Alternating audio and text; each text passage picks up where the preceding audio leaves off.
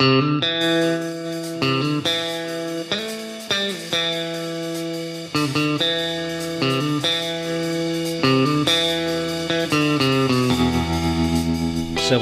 ocasión que vamos a hablar de la planta reina del verano, el tomate. En la ocasión anterior, con nuestro compañero John Bastante de Ibarra Baserría, hablamos sobre la plantación, el entutorado, la poda en verde y también el riego en, las fases en las que estamos ahora, en este pues, mes ¿eh? de mayo. Pero vamos a ir a entrar un poco más en materia, porque bueno, el tomate también es una planta delicada y ahí nos va a dar también muchas pautas nuestro compañero John, bastante técnico agrícola de Ibarra Baserriay en Sornoza. John. Opa, ¿qué tal? Bueno, la verdad es que conseguir que la planta tire para adelante lo solemos tener más o menos prueba superada, ¿no? Sí, pero luego llega. Eso es. Y luego llegan los, las complicaciones del desarrollo, ¿no? También de, esta planta. Hay eh, una serie de, acciones eh, que, bueno, que siempre son eh, derivadas de, de, la climatología, ¿no? Que podemos tener por estas fechas también, ¿no? Que puede incidir sobre, sobre el tomate, ¿no? Sí, sí. Bueno, eh, hoy no vamos a hablar de eso, como has dicho, la segunda parte del cultivo del tomate y nos vamos a enfocar en, en, las plagas, enfermedades y también en lo que son las fisiopatías o fisiopatías vegetales. Que, bueno, para que nos hagamos una idea de lo que es, es una alteración funcional o morfológica de la planta no producida por un ser vivo. ¿Esto qué quiere decir? Pues, por ejemplo, una granizada que nos rompe las hojas, nos daña el fruto, eso es una fisiopatía, una helada.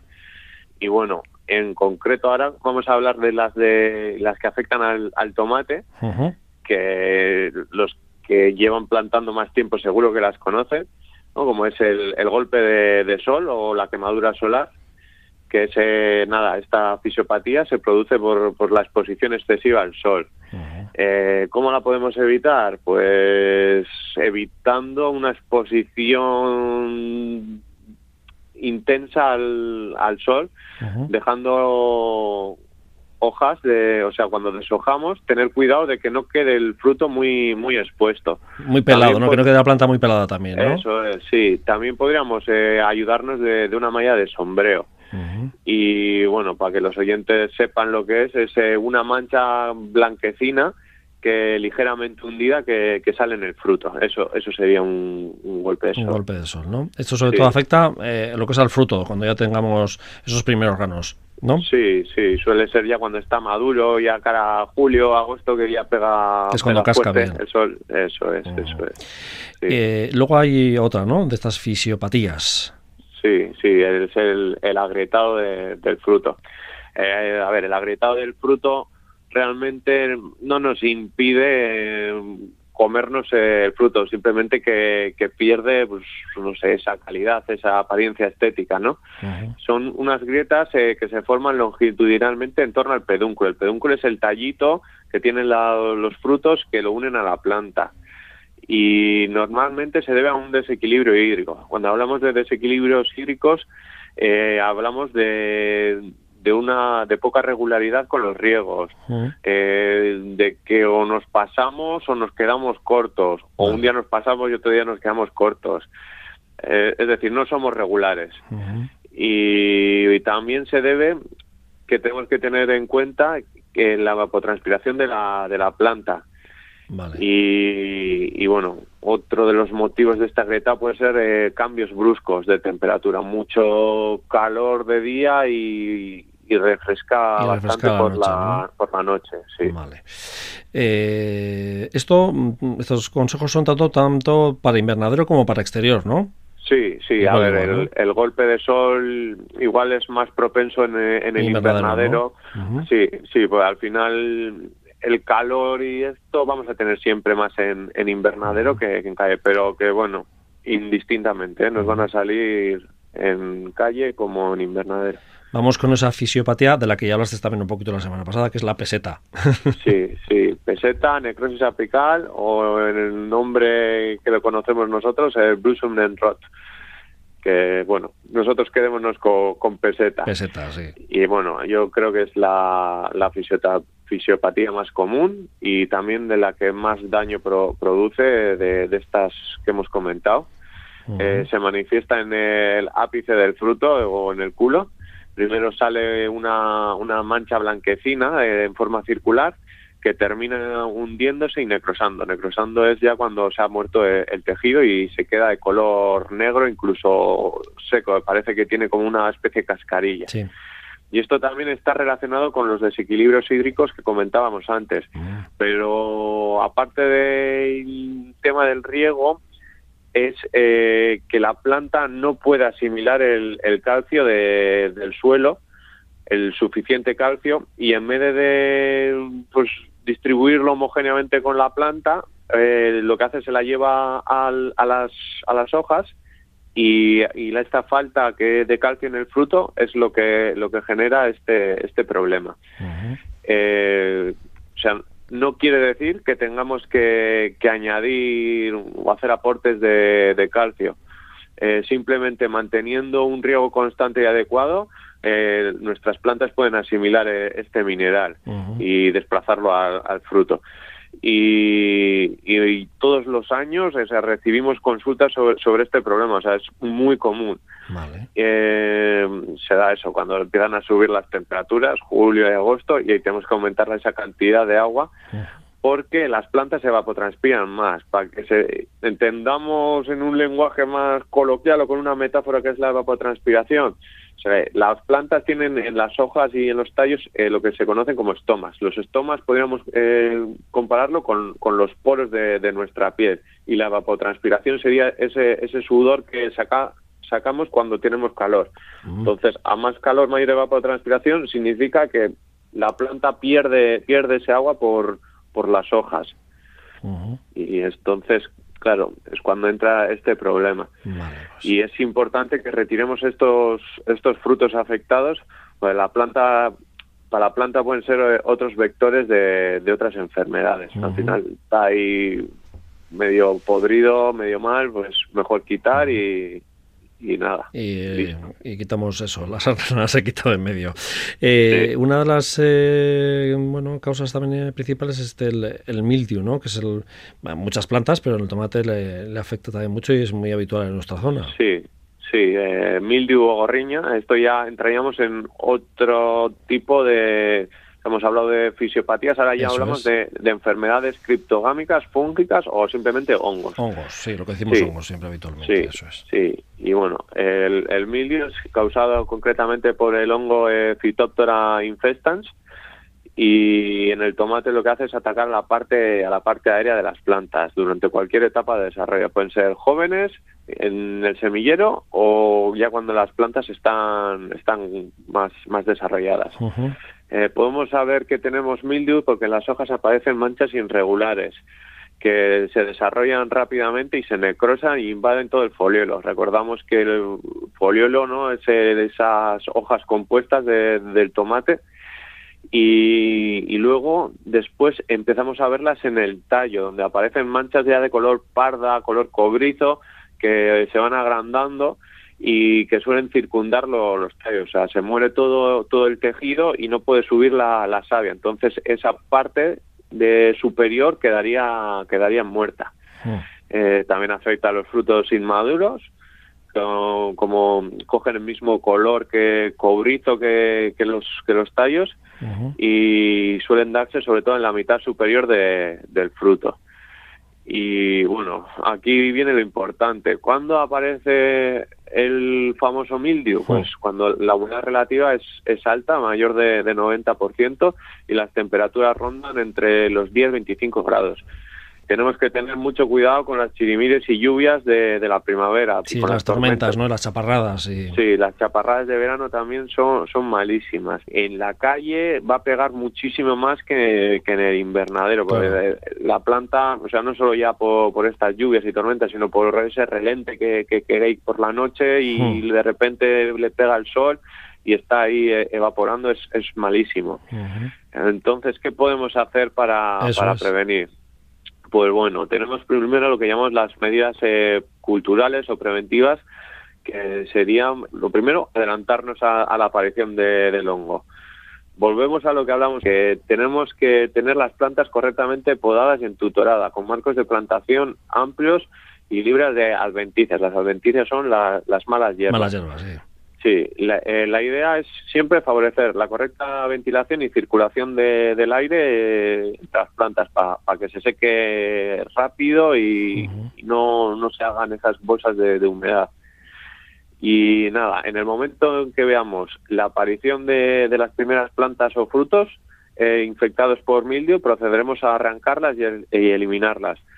Eh, para ello, lo mejor es eh, meterlas, o sea, donde la arrancamos, meterlas directamente en, bolsas de, plástico para no contagiar al, al resto de, plantas. Si la llevamos arrastrando, al final eh, estos hongos tienen ahí el micelio en las hojas y, y podemos eh, desperdigar esas, esas esporas.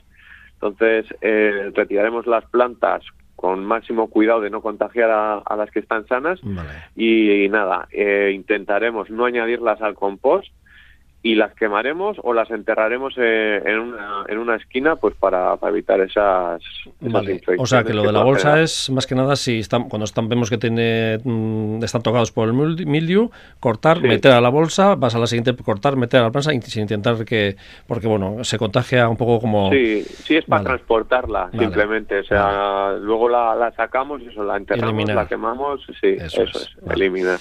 ¿Y tratamientos sí. preventivos hay? Sí, ¿no? Pues, sí, Sí, eh, para los tratamientos, eh, pues eso, eh, tenemos que ser previsores. Cuando pronostiquemos que, que, se van a dar las condiciones que, que hemos dicho, pues eh, utilizaremos eh, productos secantes, eh, por ejemplo, productos hechos a base de algas calcáreas como el litotame, extractos de, de, cítrico que están hechos de, de, un cítrico que se llama tor, toronja, oh. son, son secantes, o aportaremos alguna base de de sílice, pues pueden ser, eh, no sé, se me ocurre así como remedios muy caseros, eh, la cola de, de caballo, sí. po podría, podría valernos. Eh, una vez que nos ha vencido el mildiu y tenemos las plantas infectadas, eh, podemos eh, combatirla eh, con preparados cúpricos a base de cobre. Eh, podemos utilizar eh, caldo bordelés, eh, oxicloruros de cobre o lo que utilizamos nosotros en el caserío es el gluconato cúprico, que mm, es más, eh, para las plantas es más fácil de, de asimilar. Vale. Entonces lo absorben antes y empieza a entrar en acción antes. Este es eh, el cobre que siempre se echaba, el color azul ese que le da a las plantas. Sí, sí, eh, bueno. por favor, no recordar que el cobre es un metal pesado. Por eso. Es, es, es tóxico y es tóxico por acumulación sea, tenemos que, que ir siempre a dosis mínimas.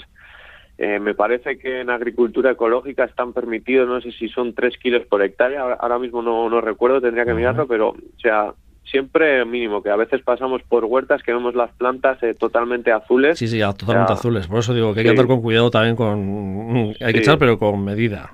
Sí, sí, eh, los productos fitosanitarios, tanto ecológicos como convencionales, tienen una dosificación y unas recomendaciones, o sea que tenemos que respetar a, uh -huh. a rajatabla. Preguntar a la persona que le compremos el, el, el si es, vamos, el, lo que es en este caso ese tratamiento y si sí. no, pues leer bien las instrucciones y lo que te marque lo que te indica, ¿no? Sí, sí, son dos minutos y, y nada, respetar la, dosificación es, es muy importante, pero al final luego son alimentos y nos vamos a comer mm. y como he dicho, o sea, eso es metal tóxico, eh, metal pesado que se nos van a acumular en, en nuestros cuerpos.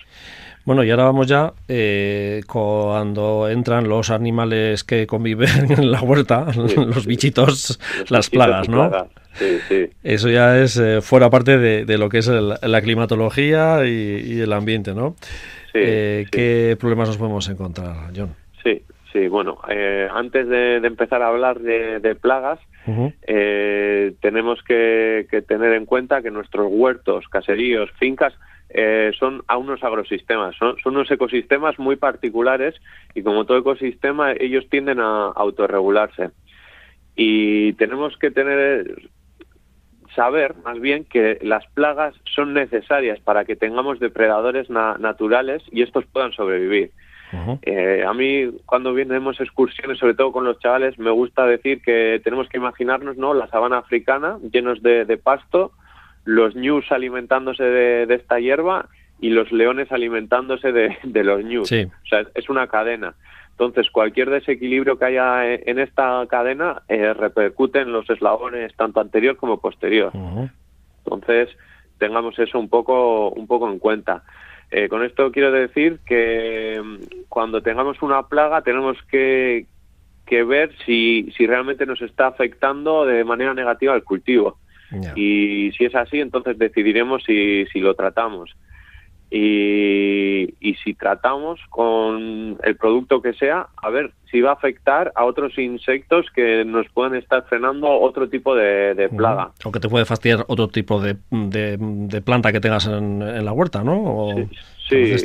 puede repercutir en otras plantas. Sí, eh, no sé. Mira, por ejemplo, se me, se me ocurre el caso de, las pilletrinas eh, naturales que se sacan de, los crisantemos. O sea, eso es un insecticida ecológico que mata por por contacto, pero es, no es selectivo. O sea, si yo tengo tres pulgones en una, en una tomatera y decido echar eso, pues luego me estoy cargando toda la población, no sé, de mm. mariquitas que se alimentan de pulgones, o sea, es peor el remedio que la solución. Así ah. que nada, hecha esta reflexión... Has hablado de pulgones, vamos con los pulgones, ¿no? Sí, sí. Bueno, el pulgón es un insecto chupador, se, también lo llamamos piojillo, es un áfido, eh, los podemos ver de todos los colores. Eh, los tomates suelen ser de, color rojo. Eh, yo no lo llego a considerar en el cultivo del tomate una, una plaga. Eh, normalmente suelen estar colocados en, el embes, en el tallo o, en los frutos. para su control, pues intentaremos, como, como, he dicho, favorecer a los depredadores naturales, que, son muchos, o sea, tenemos eh, las mariquitas, las avispitas parásitas, los sírfidos, que son los que más abundan en, estas fechas. Y en caso ya de que se convierta realmente en una plaga, pues yo recomiendo tratar eh, con jabón potásico fosfórico, que además de, controlar los pulgones, eh, limpia las melazas. Las melazas son las secreciones que, hacen los pulgones a la hora de comer y que favorecen la aparición del hongo negrilla. Eh, una forma de saber si tenemos pulgones también es eh, viendo si hay hormigas. Las hormigas se pastorean a, estos pulgones, pero se alimentan de, la melaza y los van llevando de, una planta a otra. Entonces, yo mi, recomendación es mantener eh, de primer plano la, la fauna auxiliar. O sea, es muy fácil mantenerla, o sea, tener unos espacios en la huerta naturalizados y tal, se van a dar y salvar un poco de, plagas para que tengan comida. Vale, perfecto. Orugas de tomate también, ¿no? Sí, oruga del tomate, la liotis. Es una larva de, un lepidóptero. Eh, las lepidópteros son eh, mariposas y, polillas. Eh, normalmente nos las solemos encontrar de color verde o pardo. suelen dañar hojas y frutos eh, a veces no vas andando entre, las tomateras, se cae un, fruto y te das cuenta que, se han comido todo alrededor de, del pedúnculo y, caen los, los, tomates. Y nada, su control es, es bastante sencillo. Eh, podemos hacer un primer pase retirando a, mano los, las larvas que, encontremos y luego ya podemos pasar a tratar eh, con Bacillus, Bacillus turigensis que para quien no lo conozca es eh, una bacteria, se encuentra de forma natural en las partes oscuras y en ciertos órganos de, las plantas y lo que hacemos cuando lo aplicamos es inocular el, el bacilo, el bacilo para aumentar la, población que tienen las plantas y, y si ellas se puedan defender. el bacillus, eh, nada, lo que hace es que cristaliza el estómago de, de las orugas de los lepidópteros y nada, las, las controla de, los cultivos y no, ¿no? tiene plazos de seguridad, no es dañino con, con ni con las personas, ni con animales, ni con fauna auxiliar. O sea, es muy concreta, solo para lepidópteros. Y otra de las eh, plagas es la polilla del tomate, que está, también está dando mucha guerra, ¿no? Sí, bueno, eh, la tuta absoluta es eh, el, demonio, así. O sea, lleva desde el 2006, me, me parece recordar, y esta pequeña larva o sea, que es una es un, eh, una plaga foránea no ajena a nosotros que ha llegado aquí y se ha quedado y bueno. Sí y, y el problema de o sea de, que no de que sea de fuera eh, viene concretamente de, Sudamérica es que no tiene enemigos naturales. Y tiene, tiene también un, un, gran poder reproductivo no sé si cree creo que son 12 generaciones eh, al año, me parece que puede llegar a, tener, y es o sea, lo más desastroso que, podemos tener. inmediatamente después de que nacen las larvas, se penetran tanto en frutos como en hojas como en tallos, se alimenta creando perforaciones y galerías. No debemos confundirlo con, los minadores que tenemos por aquí. Eh, los frutos eh, pueden ser atacados desde su formación y nada, llegan a, pudrirse y o sea, pierden todo, todo valor. Y nada, eh, las hojas, que es donde vamos a, a detectar primero el, que las tenemos, pues a ver esas galerías, pues las larvas se meten dentro de las hojas y se alimentan del tejido mesófilo, dejando la epidermis intacta. Esto es decir, si metemos la, hoja, van por dentro como buceando, comiéndose el, verde de las hojas y queda como, como la telilla. Y nada, para el control de la tuta, o sea, no tenemos un único método, como por ejemplo teníamos para la oruga del tomate, para la liotis que podíamos utilizar el, el bacillus, para la tuta tenemos que, valernos de una batería de medidas cuyo objetivo principal va a ser el, control y no proliferación de, esta plaga, porque es imposible de, eliminar. ¿Y qué es lo que podemos aplicar? Bueno, eh, vamos a decir un montón de, cosas. Eh, luego cada, cada horticultor, cada huertero va a tener que decidir lo que le vale, lo que no, lo que le va mejor, lo que no. Entonces, eh, lo primero que tenemos que, empezar a hacer es monitorizar el, vuelo de la plaga.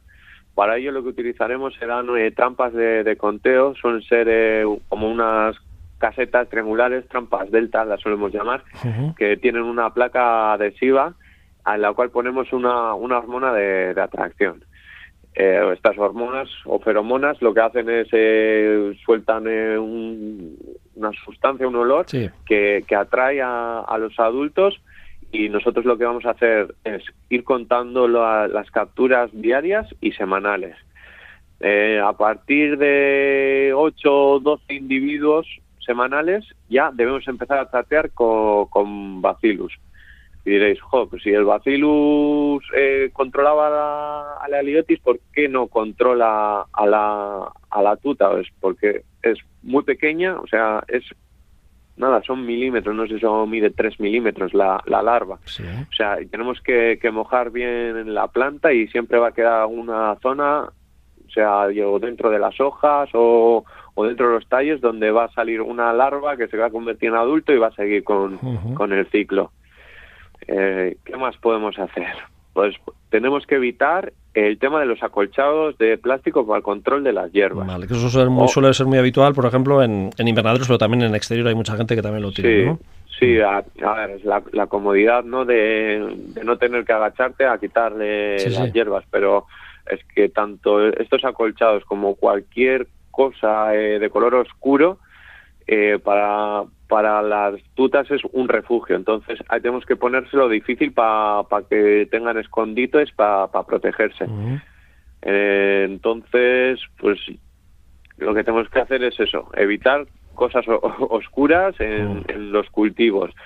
Eh, esto es porque la tuta, su ciclo de actividad suele ser al amanecer y al atardecer y cuando es de día eh, lo que hace es eh, busca eh, el, haz de las de las plantas la parte de abajo de las hojas para esconderse que se supone que son somos oscuras. Podemos valernos también de esto para, para atraparlas hacer lo que se llaman capturas masivas. O sea de ir a atraparlas en plan a saco. Para ello utilizaremos pegatinas adhesivas también de color negro ¿no? Es un poco paradójico, pero utilizaremos pegatinas que colocaremos horizontalmente en el suelo a unos 30 o 40 centímetros. Y la tuta va a ir, eh, ¡pam! Y se van a pegar, se van a, buscar no hay el escondite y ¡pam! Se van a pegar y, lo que vamos a hacer es atraparlas sin ton ni son. Vale. ¿Alguna propuesta más? Eh, porque todavía tenemos alguna más, o sea que... Sí, sí, eh, no estamos hablando ahora de trampas de captura masiva, podemos hablar también de las trampas de agua las, podemos fabricar nosotros. es nada, un recipiente de que echaremos agua, colocaremos una feromona de atracción como las que utilizamos para el monitoreo y lo que y echaremos una gota de, jabón para romper la, tensión superficial del agua y se puedan eh, hundir y no flotar. Eso es. Entonces eh, la tuta se siente atraída por la feromona y va y, y cae, cae al agua.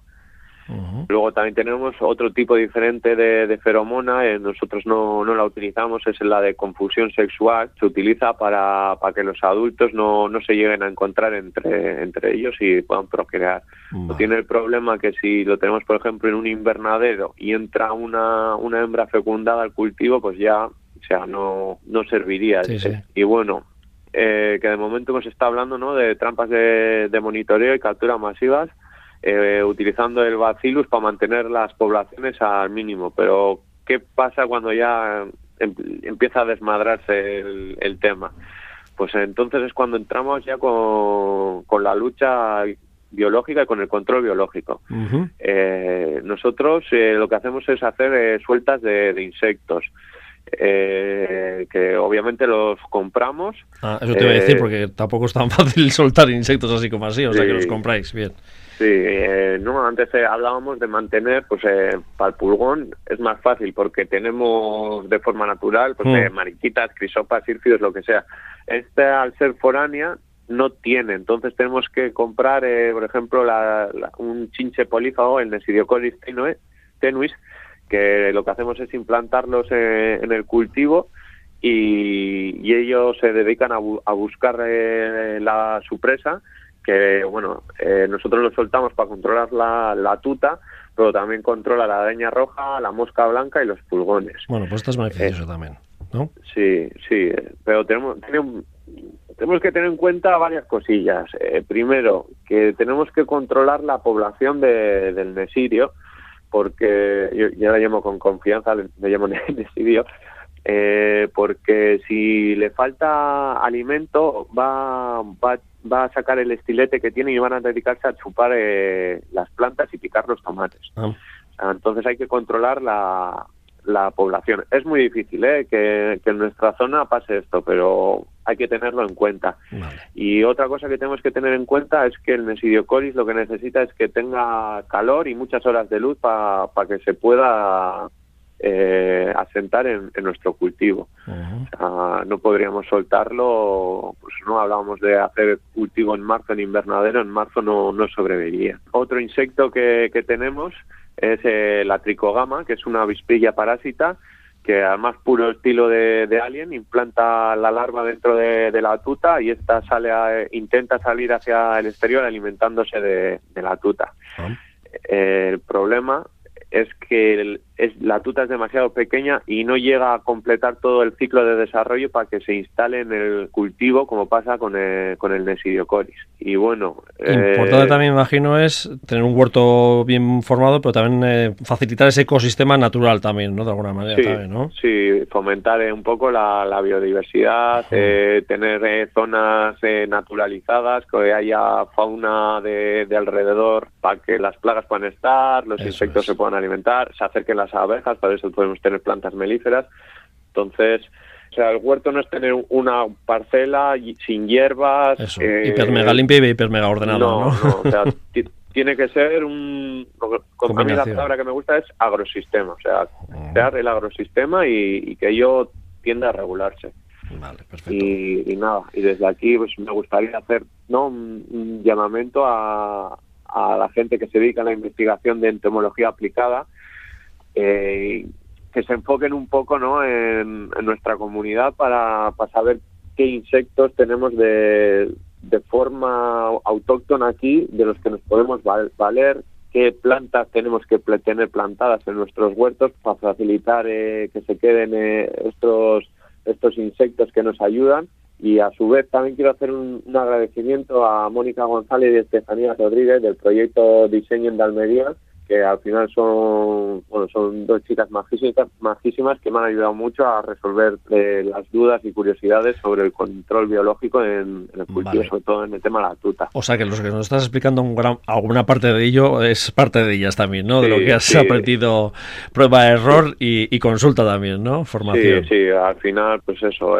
hemos tenido que acudir a la gente de, Almería pues para informarnos y tener estos recursos y poder implementarlos en, nuestros caseríos. Y eso que el clima de Almería, fíjate, no tiene nada que ver con el nuestro, pero a veces hay cosas que son similares. Eh, John Bastante, técnico agrícola de Ibarra, Baserria y de Sornoza. Es que ricasco por darnos esta clase magistral que muchos de los que estarán iniciándose en el mundo de, las plantas eh, del tomate estaban diciendo, vaya locura, y dice, bueno, poco a poco, prueba, error, y hay años que hay suerte y no te afecta ningún eh, bicho ni ninguna adversidad natural y, y todo sale espontáneamente ¿no? y fácil, pero otros años pues se complica la cosa. Sí, y nada, como digo siempre, o sea, que tenga dudas, que hable conmigo, bien por Instagram, bien por Facebook, igual que yo pregunto a, los técnicos y a los expertos, yo también estoy para responder esas dudas que puedan surgir. Pues es que te casco yo, hasta la siguiente. Nada, a vosotros, agur agur.